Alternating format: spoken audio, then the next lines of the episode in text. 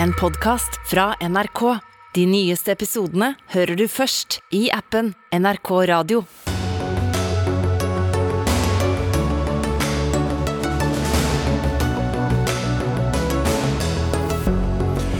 Butikkjedene setter opp eh, prisene, for så å sette dem ned igjen til tilbudsuken Black Week, hevder prisjegere. Nei, prisene de går opp pga. inflasjonen, svarer næringen. Det er blitt eh, lovet penger til å splitte opp, men nå frykter fylker og kommuner at regjeringen ikke holder det den lover, og prislappen nærmer seg milliarden.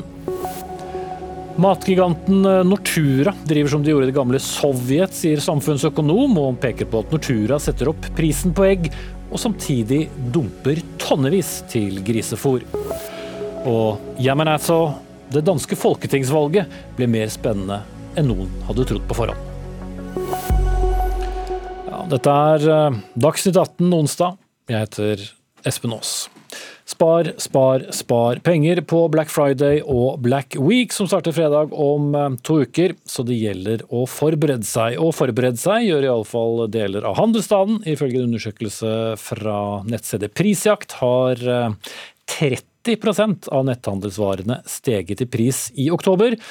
Mange av dem har økt med over 10 eh, skriver E24. Og Kristoffer Eina, norgessjef i Prisjakt, det er du som har fullført den undersøkelsen. Eh, hva er det dere har sett i grove trekk? Eh, så jeg vil først bare starte med å si at Vi har gjort vår største undersøkelse noensinne nå. og sett på... Du vet at vi alltid arresterer de som vil si noe annet enn det vi spør om? Mm. Men kommer inn på med en gang at vi har sett på over 700 000 enkeltvis produkter som netthandelen i Norge tilbyr.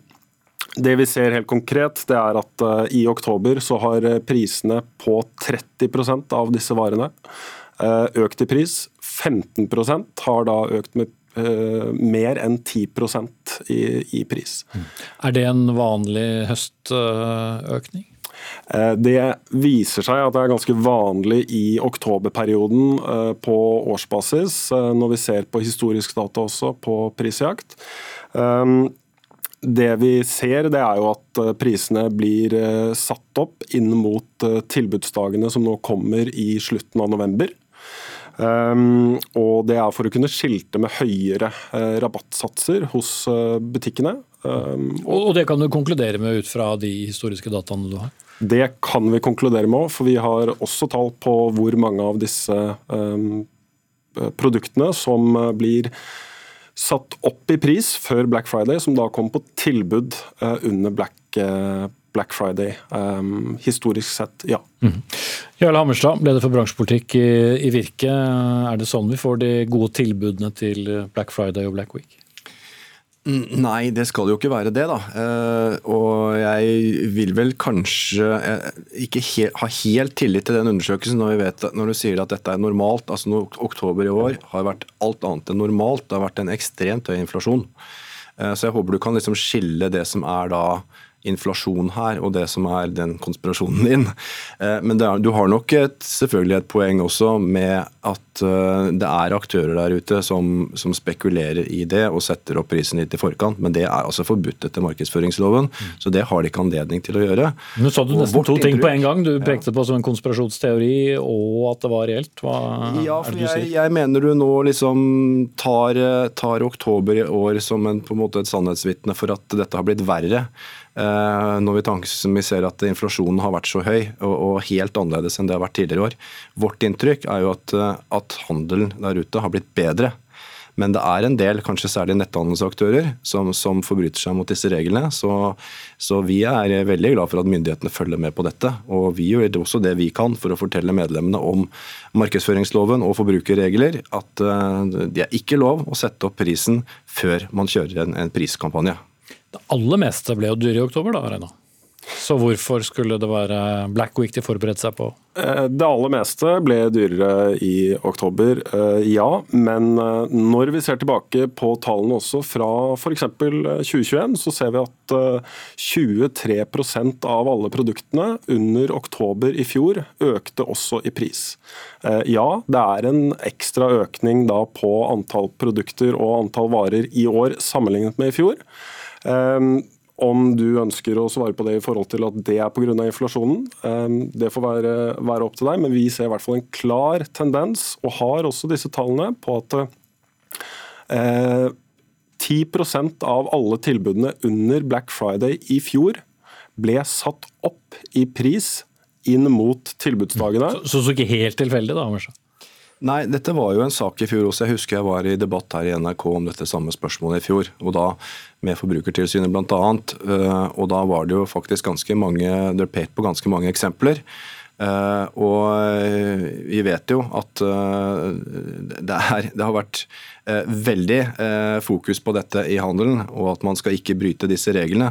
Så det ville forbause meg om en del av de aktørene som ble trukket fram i, i fjor, ville forbryte seg mot disse reglene i år. Du tror, du tror det er lært, og nå er det inflasjon? Ja, vi, vi, bør, vi, bør, tro det. Nå har både Forbrukertilsynet og Virke kjørt mye både kursing og kampanjer for å, for å gjøre disse reglene kjent. Og disse reglene har vært kjent i ganske lang tid, og nå har hele EU stort sett eh, er i ferd med å få tilsvarende regler.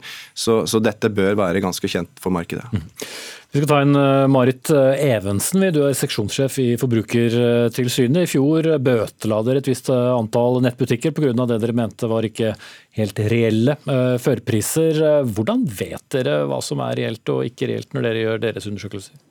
Eh, der har vi jo noen eh, utgangspunkter som vi forholder oss til. Eh, det er jo sånn at når butikkene opererer med rabatter, så får jo forbruker en forventning om at de gjør en prisbesparelse. Og den må jo være reell, og der har vi noen utgangspunkter.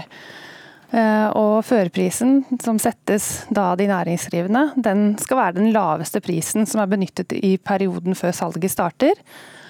Eh, og næringsdrivende må også kunne dokumentere eh, at eh, den prisen faktisk har blitt brukt i tiden før salget, og i en viss omfang.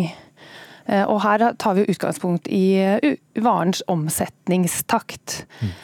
Og det, er også en, det må ha skjedd i en viss periode. Her kan f.eks. fire til seks uker før salget være tilstrekkelig. Eh, og vi eh, legger til grunn at de næringsdrivende er godt kjent med reglene våre. Eh, mm. Men, men fire til seks uker, sier du. Så hvis da en 42-tommers TV, da, eller det er sikkert altfor lite disse dager, 52, mm. ble satt opp betraktelig i oktober og settes ned igjen i slutten av november, og det har gått en seks ukers tid, så kan det være tilstrekkelig nok? Ja, Hvis de har solgt nok varer til den prisen ut fra hva de vanligvis pleier å selge. Og mm. det må dokumenteres. Men hvordan skal vi som forbrukere forholde oss eh, til det? For vi ser jo denne berømmelige førprisen og den veldig store nå-prisen. Ja, vi anbefaler jo at eh, eh forbrukeren sjekker prisjakt eh, og prisguiden og følger med, og eh, ikke ser seg blind på rabatten. At de også sjekker andre tilbydere. Eh, og at de ikke blir for ivrige, og at de følger med på prisen over tid. Mm. Kommer dere til å fortsette å bøtelegge slik dere gjorde i fjor? Ja, vi, eh, vi, følger, vi, har en beredskap rundt Black Friday og følger godt med. Så det kan godt være. og Vår hovedstrategi er jo selvfølgelig å veilede de næringsdrivende, men vi har jo hatt masse fokus på Black Friday. Eh, og hvis reglene ikke er kjent, så synes vi jo det er litt rart. Og det vil muligens komme økonomiske sanksjoner i år også. Mm. Er det et vanskelig regelverk for bransjen å følge, Hammerstad? Nei, det er det nok ikke. Eh, nå er det nok kanskje litt, noen som lurer på dette her med inflasjonen. Hvor mye er det liksom greit å sette opp prisen når inflasjonen er så høy? Det kan nok være noen, noen sånne tvilstilfeller der. Men jeg tror nok at eh, det vi er ute etter her, det er de som bevisst prøver å, å lure. Eh, ved å sette opp, eh, ved å liksom markedsføre en, en, en, førpris som ikke er reell, og da et pristilbud som ikke er reelt. Og Dette er selvfølgelig et veldig effektivt markedsføringsmiddel. Det er veldig, veldig det er nok mange litt sånn useriøse aktører som er fristet til å ty til det. For det er et veldig effektivt virkemiddel, og det er lett for forbrukerne å bli lurt. Så ære være prisjakt og andre og Forbrukertilsynet og sånn som følger med på dette. For vi skal ha like vilkår i dette markedet. og da da må man ta de som prøver å, å lure til seg. Mm. Dere sjekker jo gjennom hele året, da. Reina. Er det, er det lett å orientere seg? Ser det, ser det, enkelt ut å være forbruker? Eh, nei, det gjør det ikke. Det er eh, og spesielt nå i disse tider, eh, som vi går inn i med disse store tilbudsdagene. Det er en prisjungel der ute. Ehm, og jeg vil si at det er ekstremt viktig for forbrukeren å gjøre nøye vurderinger og research før man trykker på kjøpsknappen. Ehm, Bl.a. å sjekke prishistorikk, og ikke se seg blind på høye rabattsatser, som kan være um, feil, rett og slett. Men selv, altså, da må du nesten følge gjennom hele året, da, sånn som du gjør. Det nytter jo ikke å gå på en av de store elektronikkjedene og og så gå hjem og sjekke førprisen. Dette er jo en del avgjørelser som skal gjøres ganske raskt, fordi eh, varen selges kjapt ut osv. Absolutt. Eh, og det er jo der eh, vår tjeneste bl.a. kommer inn. Hvor vi hjelper forbrukeren nettopp med å finne dette svaret veldig raskt. Du har en telefon i lommeboka di. Der kan du bla opp det produktet som du er interessert i, og sjekke prishistorikken inne på våre nettsider. Mm. Ja, Marit Evensen, det er vel et litt spesielt år likevel å, å skulle følge med på nettopp pga. Av, av inflasjonen, når eh, en del varer absolutt har blitt både 10 og 15 eh, dyrere, uavhengig av om det er svarte fredager? Eh, ja, absolutt. Og det er jo konkrete vurderinger vi må ta. Eh, men det er jo mer den spekulative prisøkningen rett før eh, Black Friday vi, vi har sanksjonert mot tidligere. Og der har vi også vært i dialog, tett dialog i tidligere år, og så har vi ikke sett noe bedring. Og det er jo det vi ønsker å komme til livs, da. Mm. Måtte det bøter til, tror du, Hammerstad, før aktører begynte å skjerpe seg? Ja, det kan godt tenkes det. Eh, for å få noen eh, til å skjerpe seg, så må man nok uh, true, true, med det, ja. Og, for det er, som jeg sa, altså dette, det er viktig at folk følger spillereglene her. De som da selger, selger varene til riktig pris, de må jo konkurrere på like vilkår. Og de, juks skal vi ikke ha. Jarle Hammerstad, leder for bransjepolitikk i Virke. Marit Evensen med oss på linje, seksjonssjef i Forbrukertilsynet, og Kristoffer Eina, norgessjef i Prisjakt. Jeg takker av dere, og så skal jeg eh, henvende meg til deg, Lise Wermli Christoffersen. Du driver podkasten Pengesnakk og har skrevet en bok ved samme navn, når du da gir tips om hvordan vi skal spare penger og leve billig. Er det lurt å styre seg da inn mot Black Friday, nå som alt annet er blitt dyrere, og, og sikre seg kupp? Det spørs jo hva du trenger og hva du er ute etter. Jeg råder jo mine følgere til å heller ta seg en tur i skogen enn på kjøpesenteret akkurat den eh, dagen. Eh, Fordi? Fordi vi blir så blenda av tilbud og rabatter, og det er nyhetsbrev og sosiale medier og til og med SMS-er fra noen som eh, får deg til å føle at nå går jeg glipp av noe hvis jeg ikke kjøper. Eh, og med det stresset som blir akkurat disse handledagene, så tar man seg kanskje ikke tid til de nøye prisvurderingene man bør gjøre. Men på f.eks. dyre elektronikkprodukter, kanskje dyre sko osv., så, videre, så ser det jo tilsynelatende ut som du kan spare inn eh, både ett og to ukers eh, butikken? Det kan du absolutt gjøre. Eh, og å benytte seg av gode tilbud når det er noe man trenger, er jo ikke dumt. Men hvordan vet du at det er et godt tilbud? Eh, og Der kommer jo også det inn med at eh, man må gjerne ønske seg noe en stund. Da. Og da rekker du jo å se hva prisen er på det produktet du ønsker å kjøpe, og henger deg ikke opp i om det er 30% eller 40% fordi du har et forhold til den prisen. Mm. Er, vi, er vi veldig gode forbrukere i så måte når det gjelder å sjekke prishistorikk ut fra den erfaringen du gjør med dine følgere? Eh, vi har blitt bedre. Det er flere og flere som er opptatt av det. Og eh, som mine følgere, noen av de er jo opptatt av å gjøre gode kupp, men vi er jo også opptatt av å ikke bli lurt, for det er jo en dårlig følelse og dårlig økonomi. Vi står overfor kanskje den dyreste jula på lang tid. Hvis du ser på husholdningsbudsjettet, hva, hva er dine tips da? Bruke denne svarte uken, eller la være? Hvis du skal bruke den, så må du bruke den veldig bevisst. Eh, inn mot jul og julegaver så tenker jeg først og fremst på å redusere antallet julegaver. Det er det som er litt med dette Black Friday, Black Week. Nå hørte jeg i dag om Black Month. Da liksom tar det litt av. Eh, både for altså kloden og lommeboka sin del så er jo ikke det her en sunn eh, utvikling. Så å utveksle gaver med færre, og også dele, kjøpe brukte gaver. Mm og kanskje unngå en blå mandag. Takk skal du ha, Lise Wermli Kristoffersen fra podkasten Pengesnakk.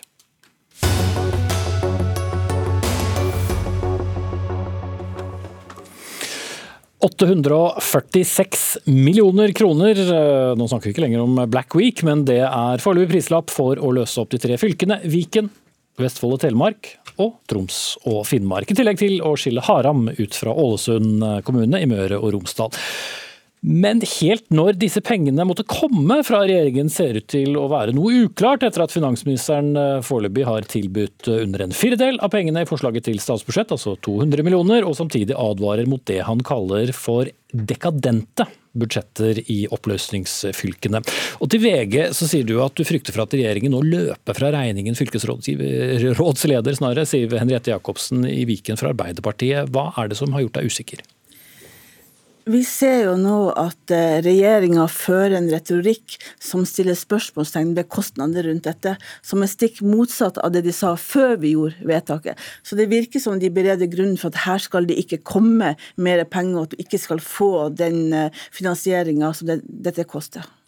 Og det er vel da regjeringspartiene pleier å si at eh, det var litt andre økonomiske tider da vi sa det, og nå må vi alle spare litt. Og det gjelder kanskje også fylkeskommuner? Vi har full forståelse for at Norge er inne i krevende tider, og at det må spares på mye. Men det kan ikke gå utover Østfold, Buskerud og Akershus, og at de skal få dårligere tjenester enn de andre fylkene i dette landet. Mm. Men deres egen oppløsning er jo stipulert til flere hundre eh, millioner kroner. Hvorfor eh, må det bli så dyrt? Kan det ikke gjøres billigere? Vi har gjort masse for å gjøre det billigere.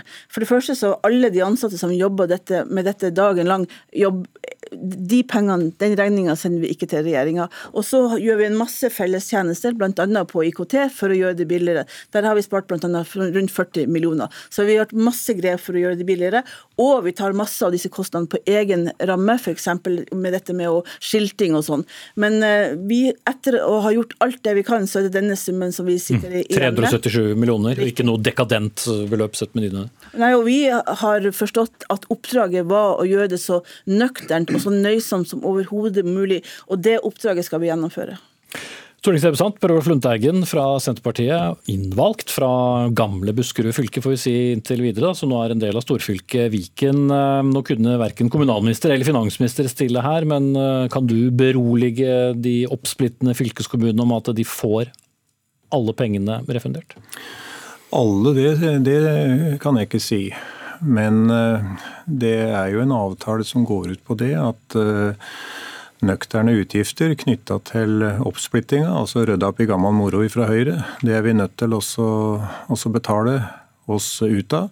Og der kom en da en foreløpig eh, post på årets eh, budsjett, og så kommer det mer da seinere. For søknadsfristen har jo ikke gått ut enda fra de berørte kommuner og fylkeskommuner. Mm. Men når din partileder, som også er finansminister, snakker om dekadente beløp, en partifelle av deg, Heidi Greni, mener at eh, Viken da skriver budsjett med gaffel, så kan du gis et inntrykk av at uh, det ser ut til å være litt høye beløp? Ja, Heidi Greni har aldri ment at de skriver med gaffel, det har hun forsikra meg om. og jeg syns ikke det eh, er i eh, Vedum sin ånd at han snakker om eh, dekadense i forhold til egne partifeller, så det tar jeg med en klype salt. Mm, ok, eh, de har noe sagt til deg, ifølge våre saker og også VG. Men Greni, hva, hva Nei, ikke Greni, for det var hun viste til, men Jacobsen heter du. Eh, hva betyr det hvis dere da bare får godtgjort en viss andel av beløpene? Hva, hva kommer til å skje i dine fylkeskommunale budsjetter? Det betyr at eh, de nye fylkene Buskerud, Akershus og Østfold får en dårlig start, og at politikerne der må starte med å kutte i budsjettene, og at innbyggerne får dårligere tjenester, mindre asfalt, færre skoler og dårlige kollektivtilbud. Og det ville vel ikke du forsvare, som er valgt inn fra en tredjedel? Nei, det vil jeg ikke, ikke, forsvare. Samtidig så skal vi være klar over at når en eh, gjorde det her ulykksalige å slå det sammen, så er det regna til å koste 336 millioner, og Høyre betalte 45 av dem. Så det var et dårlig utgangspunkt. Men vi må rydde opp på en bedre måte enn det høyreregjeringa gjorde. Ja, nå høyreregjeringen nevnt så mange ganger at jeg har henta inn Mudassar Kapur, kommunalpolitisk statsperson fra nettopp Høyre. Ja, det var nå en gang dere som, som, satte det i gang, men nå hører du litt diskusjonen om uh, beløpene her. Uh, skal regjeringen gjøre som den lovet? Ja, altså Det er jo egentlig to steder at det har blitt lovet gull og grønne skoger. Først fra regjeringen, som ikke ville eh, lytte til eh, fagrapporter som sa at dette kommer til å koste mye penger, men forsikret alle om at eh, det ikke ville ikke være noe problem. De pengene skulle komme, og det ville ikke gå utover tjenestene. Og så gjorde man det samme vedtaket lokalt i Viken, basert på den samme forutsetningen. Men det vi ser nå er at når regningen kommer på bordet, og den blir som vanlig mye høyere enn man trodde, så stikker de alle av fra den. Det er lavere, sier Arbeiderpartiet. Jo da, men den er fortsatt inn, den er jo da, det, Mitt poeng er at det vi, må, det, det vi sitter igjen med nå, er egentlig noe alle fornektet for et år siden. og Det var fagrapporten som Viken fikk, og som denne regjeringen la til bunn for uh, saken til Stortinget. og Der sto det veldig klart at det ville kunne koste opp mot en halv milliard, og at det ville gå utover både tjenester, utvikling og kompetanse. Eh, og Den gang så forsikret jo alle om at det ville ikke skje. og I Stortinget så kjørte man gjennom en prosess hvor man vedtok eh, det å lage nye fylker nå, uten å vite hva det koster, hvem som skal betale, hva som blir effekten av det. Nå ser vi den effekten, og nå er det ingen som vil betale for det. Jeg vet jo hvor regninga havner. Den havner hos skattebetalerne og innbyggerne, akkurat som vi advarte. Mm. Jakobsen Sølundteigen. Ja, nei, Jeg vil bare si at uh, jeg er veldig glad for at uh, Per Olav Lundteigen er her. For uh, han har kjempa denne saka gjennom, og jeg vet at han er like glad i innbyggerne i Buskerud som jeg er glad i innbyggerne i Østfold. Og han kommer til å være den beste garantisten for at de ikke får dårligere tjenester. Men jeg vil egentlig ha deg inn for å svare på det som, som ble sagt fra, fra Kapore Høyre her, om at advarselen var der om at det kom til å bli kjempedyrt, og det ble det? Dette er kjente tall. Vi visste allerede i desember i fjor hva det ville koste. Og da sa både Bjørn Arild Grabb, som var kommunalminister, og Vedum at dette skulle de garantere for, og at innbyggerne ikke skulle få dårligere tjenester. Mm. Så eh, tallene er kjent. Men ikke alt trenger å komme på en gang? Lundteigen? Nei, alt kommer ikke på en gang. Eh, Høyre har jo veldig liten troverdighet i denne saken. Eh, når en eh, slo sammen kommuner og fylkeskommuner, så gjorde en jo det uten utredninger. Når en eh, så kostnadene, så finansierte en ikke det. Men, men, så har jo ditt parti, og i hvert fall regjeringen, da, sagt at eller har gitt inntrykk av at disse pengene kommer raskere enn det ser ut som både Ålesund eh, kommune, Vestfold og Telemark og, og Viken og muligens også Troms og Finnmark eh, forsto. At de at disse pengene skulle komme mye tidligere enn at det skulle spres utover. Ja, det har vært en enighet da om at uh, en skal søke først, da, og så skal en få finansieringa etterpå. Og det er jo sagt ifra regjeringa at en får finansiering i flere omganger. Og det er sagt ifra regjeringa at en skal være nøkternhet i det her. Og det er jeg helt sikker på at uh, i hvert fall Arbeiderpartiet og Senterpartiets velgere er veldig glad for. At en skal holde kostnadene lavest mulig, og finansiere da det som er, sånn at en ikke taper på økonomisk gjennom dårligere tiltak tiltak eh, overfor innbyggerne i de eh, kommende nye kommuner eller fylkeskommuner. For du sender ikke en regning på 377 millioner kroner med en gang, eller? Jo, nå har fylkestinget vedtatt det, så nå sender vi regninga. Det viktigste er at vi er i god dialog med regjeringa. Og vi er klare til at hvert sum skal kunne ettergås og spørres etter. Mm. Men det er satt av 200 millioner, og totalregningen for alle oppsplittingene er på over 800, så det går jo ikke. Jo, det, vi forventer jo at de pengene kommer, og at de kommer i nærmere budsjetter. Og det har jo også Sigbjørn Gjelsvik sagt, at eh, det vil komme i senere budsjetter. Mm. Og det er du da mer komfortabel med, eller? Ja da, vi, men vi må ha en garanti på at de kommer. til det vi, Og vi må være i god dialog om hva som er forventa. Jeg er veldig glad for her hva fylkesrådslederen i Viken sier. For uh, hun er kledd i rødt, og jeg er da ikke kledd i grønt, men, men representerer det grønne. Og vi er enige her om at, uh, at her må vi stå ved det som er sagt, innenfor en nøktern ramme, og det kommer til å skje. Kapur. Jeg lurer nesten på om Lundteigen og jeg sitter i samme studio ved siden av samme debattant. Jeg hører hva hun sier, og jeg hører hva Lundteigen velger å ikke lytte til. Det som er faktum i saken, er at uh, dere uh, har nå valgt uh, å gi signaler som gjør at de er veldig tydelige på at de kommer til å måtte kutte i tjenestene. Og så skjønner jeg at Lundteigen har et behov for å fortelle en del røverhistorier om prosessen som var. Jeg skal ikke bruke for lang tid på den, men det var grundige utredninger, og det var demokratiske fattede vedtak. Men nå står vi i en tid hvor, det, hvor, Lundteigens egen regjering på inn- og utpust snakker om stramme budsjetter og prioriteringer. Allikevel velger man da å bruke 1 milliard kroner, det er det vi vet nå, på å lage nye fylker og kommuner. Og så sendes 1,2 millioner innbyggere i Viken ut i en usikkerhet om hvem som skal ta den regningen, og det er helt uh, uansvarlig. Det var elendige utredninger. Befolkningen sa nei til det. Det kosta 336 millioner for Vikens vedkommende, og Høyre finansierte 45. Det er faktum. Og Nå hørtes det ut som du var komfortabel med at dette kunne komme over tid, da, Jakobsen, men det må vel bety også at eh, de innbyggerne i dagens eh, Viken må tåle litt dårligere tjenester inntil alt er betalt? hvis regningen du egentlig ville ha godtgjort noe stadig er på 377? Dette handler først og fremst om de nye fylkene, så det viktigste er at vi får en garanti om at pengene kommer. Og så får det heller eh, strammes på livreima fram til det? Nei, fordi at regninga handler om hva som skal betales eh, av de nye fylkene. Så den må ikke komme nå, men det må komme. Ok, vi får se hvordan det går og om du blir fornøyd. Siv Henriette Jacobsen, fylkesrådsleder i Viken, Åsar Kapur, kommunalpolitisk talsperson fra Høyre, og Per Olaf Lundteigen, stortingsrepresentant fra Senterpartiet.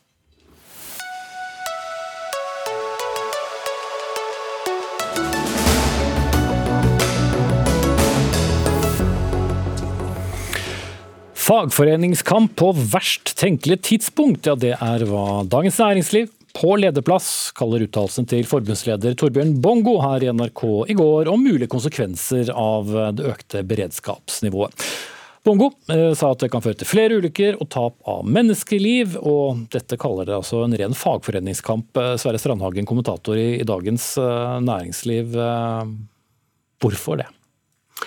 Det vi reagerer på, det er eh, først og fremst timingen.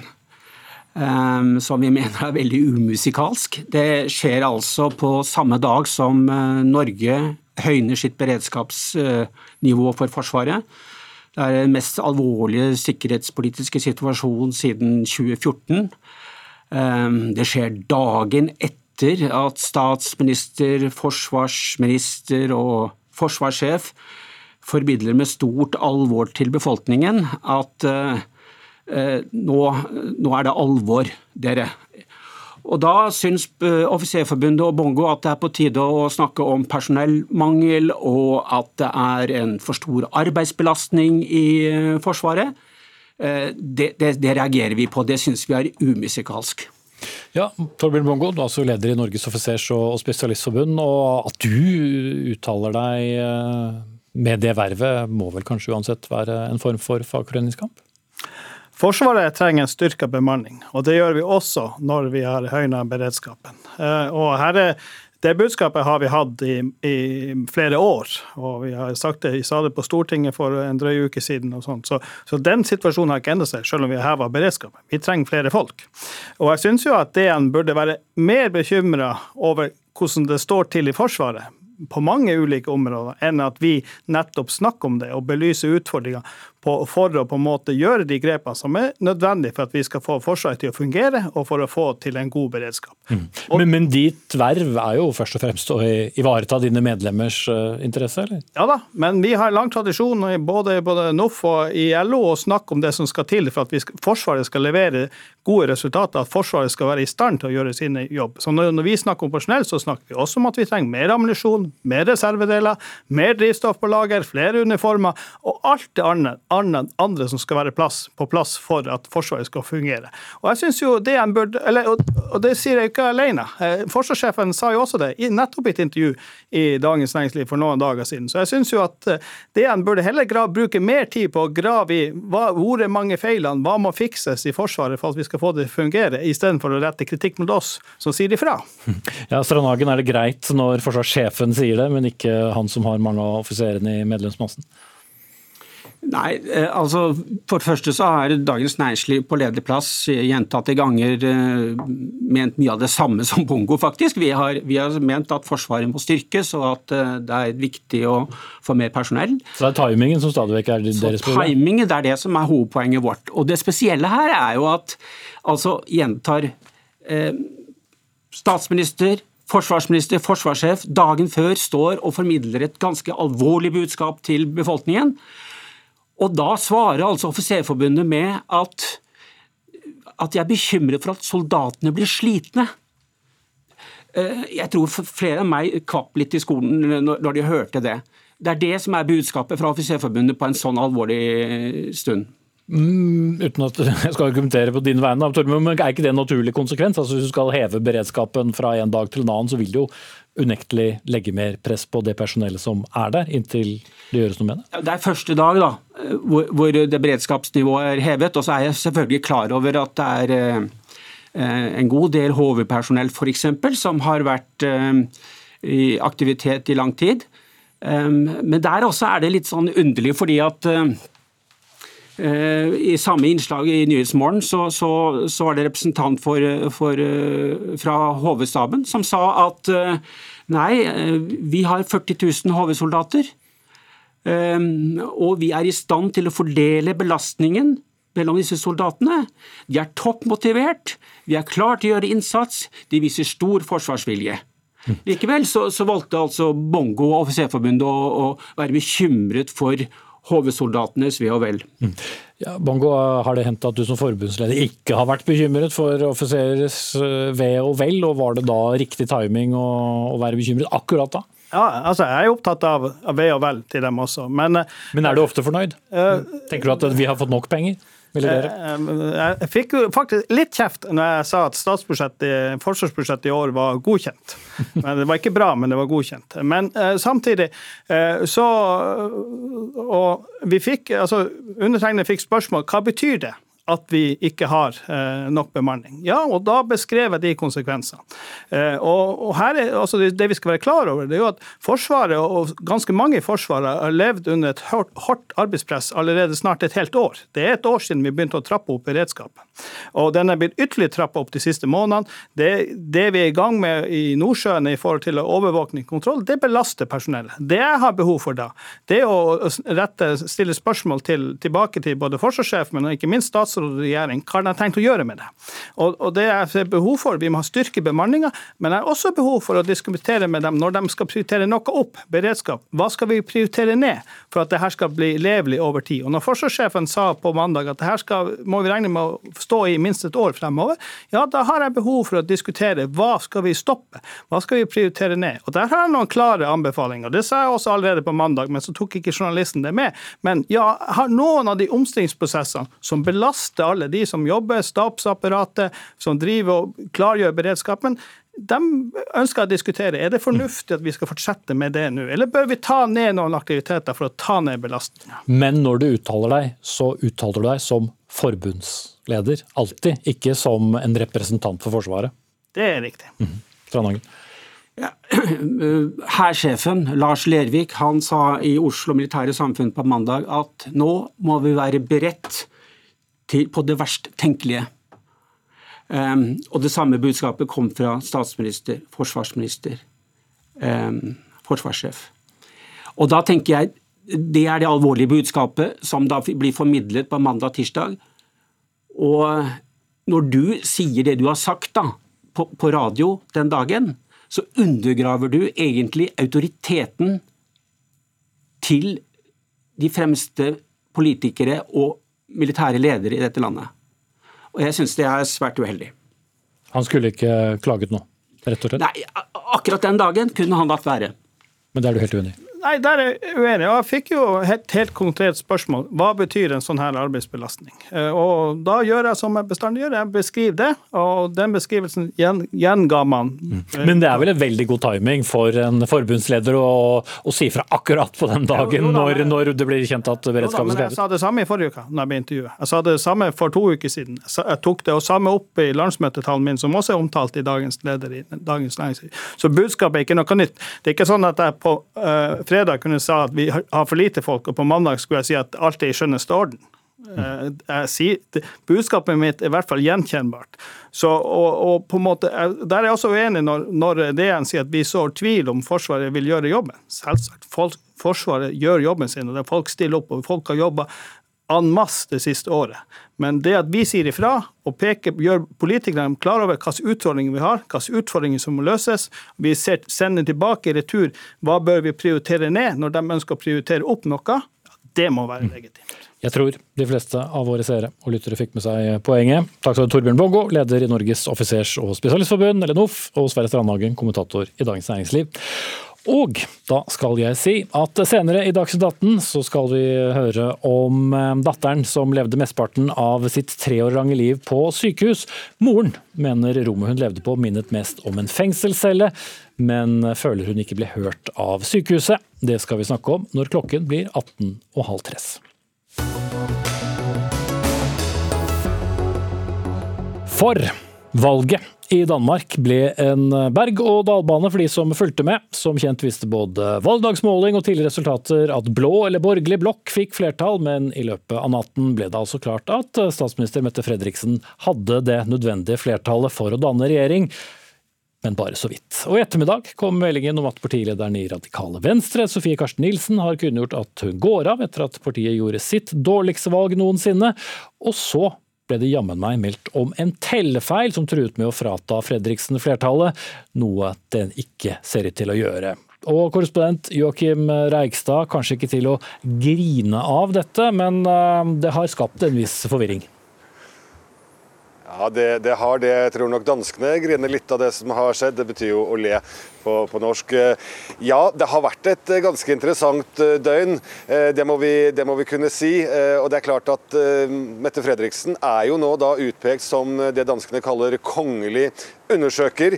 Det er altså da det vi kanskje i Norge ville kalt forhandlingsleder. Men jeg snakket med Lars Løkke Rasmussen på vei ut fra uh, Amalienborg slott i dag, og han sier samtidig at jeg har ikke med dette her pekt på Mette Fredriksen som statsminister. Det skal forhandlinger til, og plan A for Mette Fredriksen, Lars Løkke Rasmussen og Radikale Venstre nå er jo å prøve å finne et uh, regjeringsgrunnlag på midten i dansk politikk. Men de tre partiene alene har ikke flertall. så enten må de lure med seg noen flere, eller så må de da satse på en mindretallsregjering, men med støttepartier. Så kan selvfølgelig også Mette Fredriksen eh, se den andre veien, og se til sine eh, kan vi si, partikollegaer på venstresiden. Der vil hun finne et eh, flertall, men det er et flertall som består av veldig mange forskjellige partier, og også tre nordatlantiske representanter. To sosialdemokrater fra Grønland og én fra Færøyene. Så det er heller ikke et veldig stabilt regjeringsgrunnlag, for å si det forsiktig. Nei, og nettopp disse stemmene fra Grønland og Færøyene har jo fått en viss oppmerksomhet, for det var ikke så stor begeistring for det blant alle på blå side, f.eks. Nei, eh, Lars Løkke Rasmussen er jo ute og, og faktisk kritiserer eh, at det, den ordningen finnes. Eh, han sier jo at, eh, at, eh, hadde man bare tatt med de danske stemmene, så hadde man da hatt et Moderaterne på, eller i midten eller i sentrum av, av dansk politikk. Eh, men fordi at man da får inn disse fire. Dette er en grunnlovsbestemmelse fra 1953 som gjør at eh, nordatlantiske øyene, altså Grønland og Færøyene, er inkludert i Folketinget. Sjurdur Skåle, som er representant for Færøyene fra Jafnadir eh, partiet, altså Jevnhetslikhetspartiet på Færøyene, han var jo også ute på Twitter i dag og, og, sa at det er en ubehagelig situasjon å sitte i og skulle avgjøre hvem som skal styre i Danmark, men vi må stemme etter partiets linje, og partiet ønsker en sosialdemokratisk regjering i Danmark hvis de får velge. Stjernemargen, for å huske din navnet. Johannes Berg, eh, valgforsker ved Institutt for samfunnsforskning. Eh, det var jo veldig spennende i dag da vi fikk høre om denne feilen som kunne snu hele valget. Vi har vel hørt om det før, men det tilhører sjeldenhetene?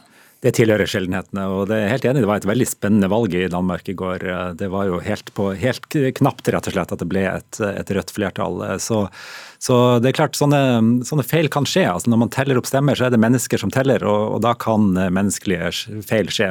Her i Norge har vi et eksempel som ligger ganske langt tilbake i tid, i 1977. Da fant man 50 stemmer i en konvolutt i Narvik eh, som bikket flertallet på Stortinget fra et borgerlig flertall dagen etter valget til til da et, eh, et, flertall som gjorde at Arbeiderpartiet kunne danne regjering. Så, så sånne ting kan, kan, skje. Menneskelige feil eh, oppstår jo når mennesker skal, skal telle stemmer. Mm. Og Fredag så starter altså regjeringsforhandlingene, men det var jo klart at selv om rød side vant, så kommer eh, Fredriksen da til å bevege seg mot, mot høyre snarere og prøve å skape et, et, et bredt flertall. og Det er jo heller ikke noe vi ser så ofte til i det noe polariserte politiske samfunnet vi lever i? Det er spennende. Altså, Danmark er som et eh, de, de, foretar De ligger kanskje litt foran oss andre da, i, i utviklingen. og det å danne en regjering på tvers av midten, vi får jo se om det er det som skjer.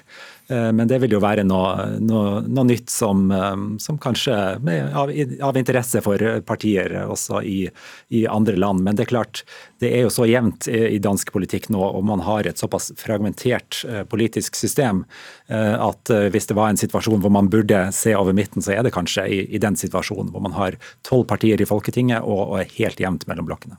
Og Valgmålingen til DR, Danmarks Radio, tilsvarende NRK i Danmark, viste jo noe annet enn det som skulle bli, bli resultatet. Og dette har jo skjedd i mange valg, mange steder opp gjennom årene. Skal man holde på med disse valgdagsmålingene? Ja, altså Som forsker så har jeg litt sans for valgdagsmålinger, for de kan fortelle oss noe mer enn bare valgresultatet. De kan fortelle oss f.eks. om uh, hvordan kvinner og menn stemmer, og hvordan ulike aldersgrupper stemmer. Jeg tror vi satt i dette studiet og diskuterte valget i Sverige basert på en valgdagsmåling, så, så det er interessant i seg sjøl. Men som prediksjon på valgresultatet, og det er jo det man vil ha på valgnatten, hvem kommer til å vinne, da er nok ikke valgdagsmålinger nødvendigvis det beste. Da er det nok bedre med, sånn som vi faktisk gjør i Norge, at vi har prediksjoner basert på foreløpig opptalte stemmer. Og forhåndsstemmer. Og forhåndsstemmer. Mm. Joakim Reikstad, fredag er altså dagen hvor ting skal skje, men har vi noen anelse om når danskene kan få se fasongen på sin eh, nye regjering? Nei, det er det faktisk ingen god indikasjon på. Eh, det sies at disse forhandlingene kan ta ganske lang tid. Eh, man snakker nok eh, mer uker enn dager, for å si det slik. Og det er jo også da sånn at hvis Mette Fredriksen nå etter å ta noen runder med partilederne for de forskjellige partiene, prøve å finne noe i, å styre på i sentrum, innser at det ikke er mulig, så må man jo på en måte gå tilbake til start. Og da er det en ny dronningrunde og en ny kongelig undersøker som skal ut utpekes. Det kan igjen bli Mette Fredriksen, eh, hvis ingen andre partier plutselig skulle ombestemme seg. Eh, sånn at Da må man ha en ny runde. Og så kan man ha mange av disse rundene her. Men hvis det ikke går å finne et eh, styringsdyktig flertall på noen av sidene, altså verken i sentrum eller til venstre, da, som det er aktuelt nå i politikken, så er det jo også de som sier at man skal ikke se bort ifra at det kan komme et ganske hurtig nyvalg i, i Danmark hvis man ikke finner et resultat. Antageligvis vil man prøve, men hvis denne regjeringen ikke er styringsdyktig, så er veien kort tilbake til dronning Margrethe og et uh, nyvalg. Ja, til slutt, Johannes Berg, Er det noe eh, av trendene vi skal se i Danmark, utover at de har et fryktelig masse partier pga. denne eh, sperregrensen sin, men er det, er det, ting vi bør se etter som kan smitte over på oss? Jeg tror Det er jo særlig det at eh, politikken blir mer fragmentert, eh, og at man får flere partier. Jeg tror ikke eh, vi vil oppleve i Norge dette med at partiledere eller politikere går ut av et parti og danner sitt eget parti. Politikken i Danmark er mer personfokusert enn her. Men fragmenteringen og det at velgerne ønsker seg mer spissede politiske partier, det ser vi også i, i, mange land. Ellers er det jo interessant. Valget var en seier for sosialdemokratene. Så, så, de har jo vist veien, kanskje, eller en mulig vei for sosialdemokratiske partier. Mm. Uten en fantastisk oppslutning, kanskje? Ikke en fantastisk, men uh, hvis Arbeiderpartiet ser på meningsmålingene her i Norge i dag, så ser jo valget i Danmark ganske bra ut. Mm. Alt er relativt, som man sier. Johannes Berg, valgforsker ved Institutt for samfunnsforskning, og Joakim Reigstad, korrespondent i København, og som vi pleier å si etter danskevalget, som jeg pleier å si. Det er godt man ikke er født der. Jeg hadde ikke forstått et ord.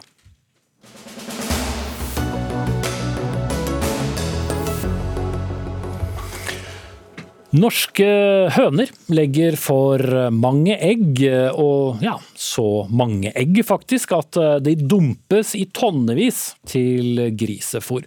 Men til tross for at vi ser en overproduksjon til markedet, så setter matgiganten Nortura prisen. Og dette minner om eh, Sovjetunionen, sier du til Nettavisen Ivar Gåsland, førsteamanuensis ved Institutt for samfunnsøkonomi eh, på BI i Bergen. Du mener det rett og slett er uetisk. Hvordan da? Ja, dette er jo iallfall eh, ren planøkonomi. Det er jo av din ingress ganske opplagt at dette er uetisk. Her serveres egg til grisene, mens han samtidig setter opp prisene til forbrukeren.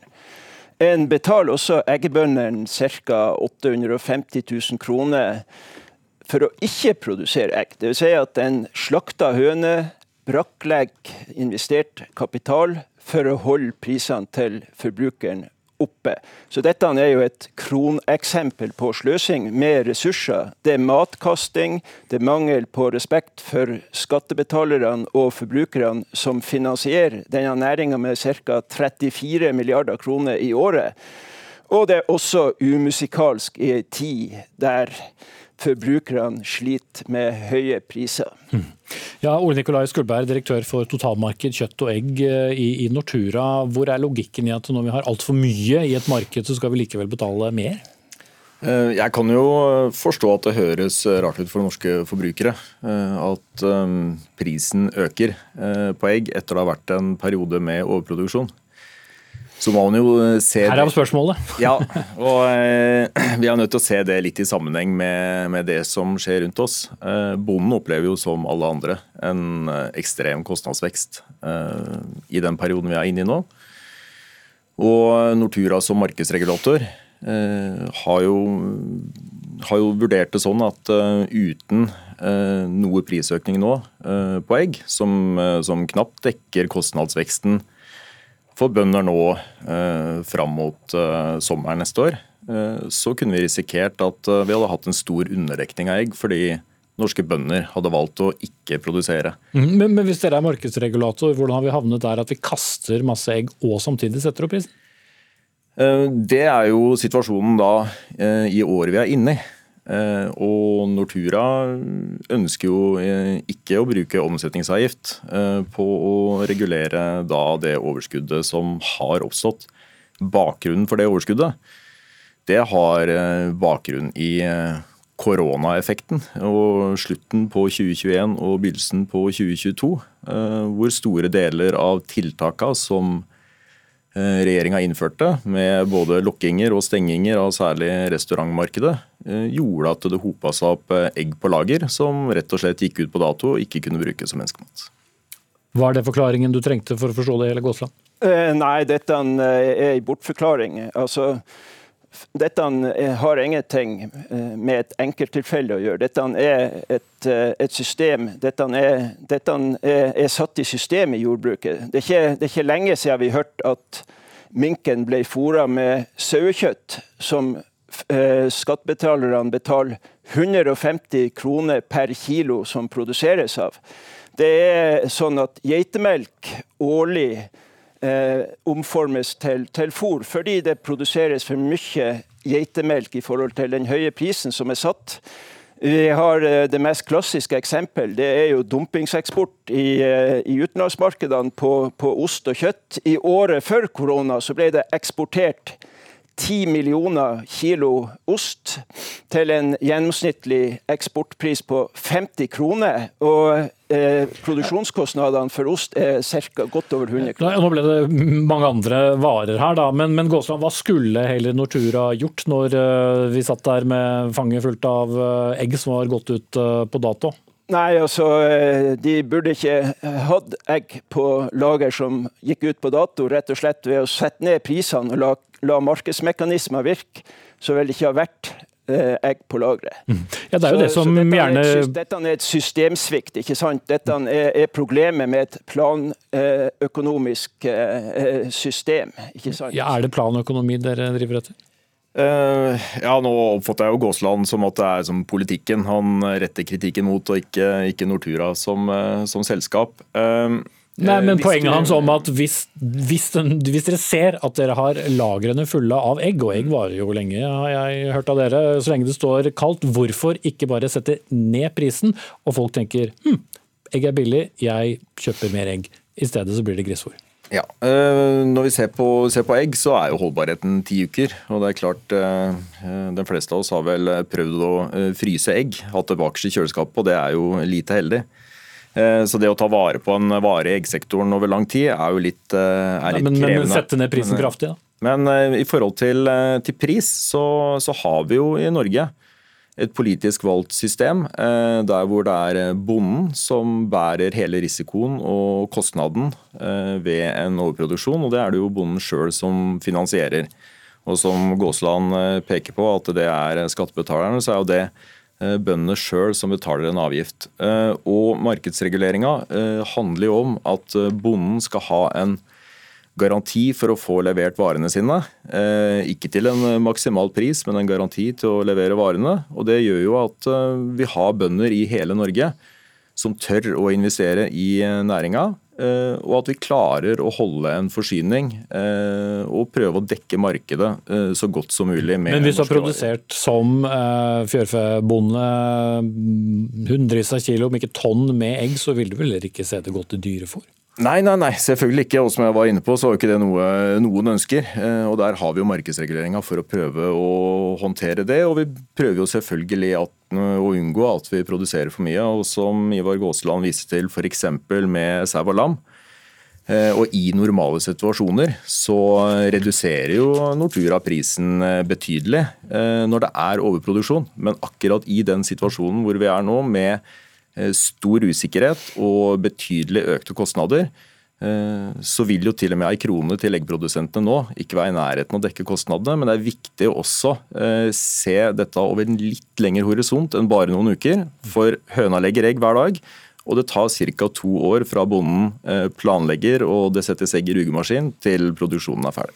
Ja, til slutt, eh, Gåsland, eh, Det blir vel alltid litt vanskelig å skulle sammenligne eggmarked med andre markeder, for det er ikke som andre markeder?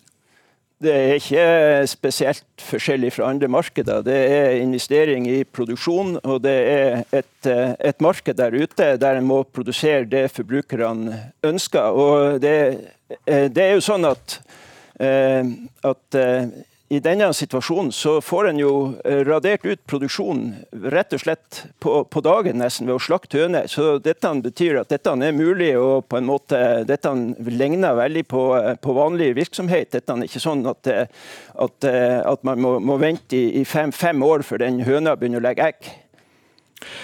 Det ligger vel en eller annen vits om høna og egget et eller annet sted her, men jeg runder av. Ivar Gåsland, førsteamanuensis ved Institutt for samfunnsøkonomi ved BI Bergen, og Ole Nikolai Skulberg, direktør for totalmarked kjøtt og egg i Nortura.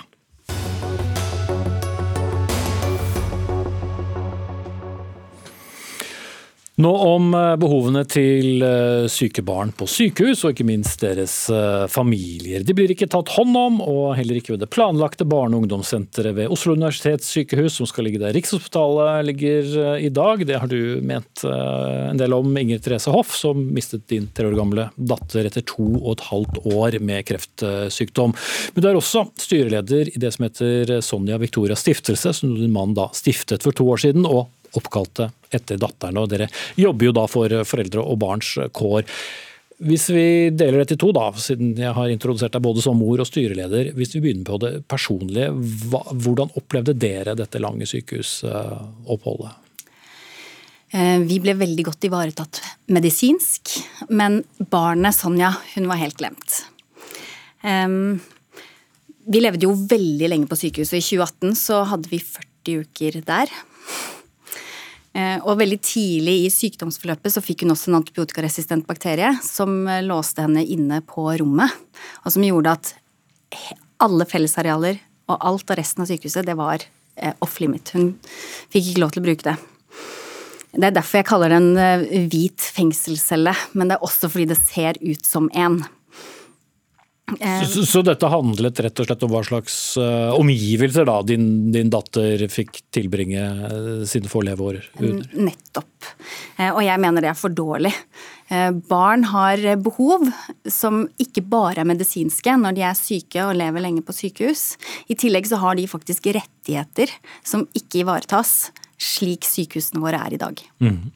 Og uh, da til det mer generelle. altså Dere ble da eh, invitert med uh, i en sånn styringsgruppe for, for dette nye barne- og ungdomssykehusdelen da, på mm. OUS. Og, og da fikk du vel kanskje sagt det du ville si?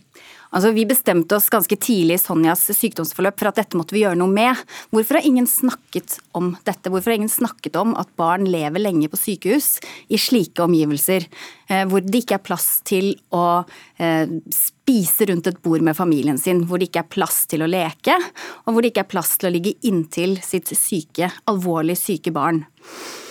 Og Derfor lagde vi denne stiftelsen, Sonja Victoria stiftelse. Og Vårt mål der er jo å skape verdens beste sykehus for barn.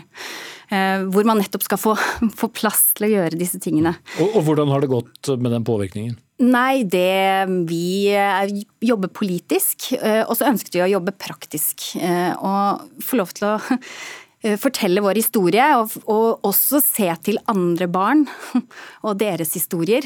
Eh, og få brukerperspektivet inn i disse store sykehusplanene. Mm. Men det var ikke så lett? Eh, jeg mener at vi har startet i feil rekkefølge. De økonomiske og arealrammene de har blitt eh, bestemt på forhånd før vi har fått lov til å bli en del av prosessen. Eh, så uansett hva vi kommer med av behov, så er det dessverre for sent, og det er dessverre umulig. Så vi fikk påvirket litt, men langt ifra nok. Mm.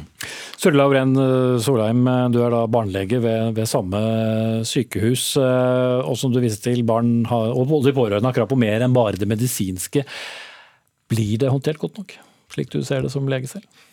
Det er klart at det er jo mangler, sånn som sykehuset er i dag. Eh, det er som Ingrid Therese sier, at det er eh, mange små rom, det er mange tomannsrom, det er bad som deles på gangen, og det er eh, kan være, være, for lite, absolutt. Og spesielt hvis man må være der over lang tid. Det skjønner jeg veldig veldig godt. Og det planlegges jo nå annerledes. Det planlegges jo nå med enerom og større rom, og det blir bedre forhold for Eh, for både barna og for eh, de pårørende, og at det blir enklere for, for, for, de pårørende å sove inntil barnet, som du sier. Og vi får eh, betydelig større rom da, for de som er langtidsliggere. Og Det er noe som Inger Therese har vært med og påvirket på og fått til, eh, fått til i, denne, eh, i denne gruppen. Men bedre, kanskje, ja, men ikke godt nok. For du er, du er, også arkitekt, og det er noen ting der du har pekt på, bl.a. med vinduer og, og høyde osv. Eh, sånn som sykehuset ligger nå, så får faktisk eh, halvparten av sykehuset de har ikke utsikt. Vi, altså For barn og for eh, pasienter så er det veldig viktig å se ut, og forskning viser at liggetiden kan reduseres med inntil 30% hvis de ser ut. Det at vi da planlegger et sykehus, nytt, moderne sykehus i Norge for barn, hvor halvparten ikke ser ut, det er ikke godt nok. Det er jo ikke eh, sant, eh, mener jeg da. For det, vi planlegger sengerom eh, som har Mange av de, i hvert fall to tredjedeler, har jo utsikt mot gamle Gaustad eller nedover mot sjøen og byen og kommer til å ligge veldig fint til. Og så er det en tredjedel av rommene omtrent som ligger eh, riktignok inn mot eh, eksisterende Rikshospital, men det er jo en bredde. Eh, så det er jo et stykke som, man, som er mellom byggene. Og, og, mange av disse etasjene, er jo femte og sjette etasje spesielt, ligger jo over høyden av eksisterende Rikshospital, så de vil jo se over taket på eksisterende Rikshospital og opp mot eh, Holmenkollen. Mm. Men, men, på hvilken måte, altså, hva, hva, slags rettigheter har vi som foreldre og, og, våre barn hvis vi da skulle havne på sykehus over lang tid, og i hvor stor grad føler du at det blir ivaretatt? Nei, Jeg føler at vi prøver å ivareta det på eh, aller best mulig måte, også sånn som det er i dag. Men at i dag så jobber vi litt mot arealene vi har. Men eh, i det nye som vi planlegger, så planlegges det eh, mye større rom. Enerom til alle, bad til alle. Lekerom som er store nok og fordelt godt utover i arealet. Så vi tenker at vi klarer å følge opp dette. Mm. Jeg er eh, uenig i veldig mange av de påstandene, men jeg ønsker å løfte debatten til et høyere nivå. Ehm, hvis vi kan se til Danmark, hva de har gjort der. Her i Norge så har vi ehm, lagt alle våre eh, rammer. Eh, de kommer fra Sykehusbygg sin standardkatalog. I Danmark, da de skulle bygge nytt sykehus der, så fulgte de 100 familier over lang tid for å kartlegge deres behov. Legen, som er initiativtaker bak dette, han mente at denne forundersøkelsen var helt unødvendig, for han visste veldig godt hvordan barn og deres familier hadde det på sitt sykehus. Han var sjokkert etterpå. Vi må lytte til hva barn og deres familier sier, og hva de har behov for. Men rammen er lagt, Solveig? Ja, jeg tror at vi egentlig er ganske enige. for at det som er, og det, det er jeg enig i, at rammen ble jo lagt på et tidlig tidspunkt, 2016 eh, eller hva det var for noe, eh, av Helse Sør-Øst. Og da er det en arealramme hvor det er beregnet så og så mye areal per eh, sengerom og så og så mye areal per poliklinikkrom osv. Den er den vi har måttet jobbe ut fra. Der har vi kunnet påvirke veldig godt ut fra den rammen. Og vi får et veldig mye bedre sykehus i dag, eller i, fremtiden enn det vi har i dag. Så mm. Ok, et sted, steg på veien i så fall. Sturla Overheden Solheim, barnelege ved OUS eller Oslo universitetssykehus, og Inger Therese Hoff, styreleder i Sonja Victorias stiftelse. Dagsnytt 18 er ferdig. Anne Katrine Førli var ansvarlig for innholdet. Vegard Erstad det tekniske. Jeg heter Espen Aas. Ny sending i morgen. Takk for nå.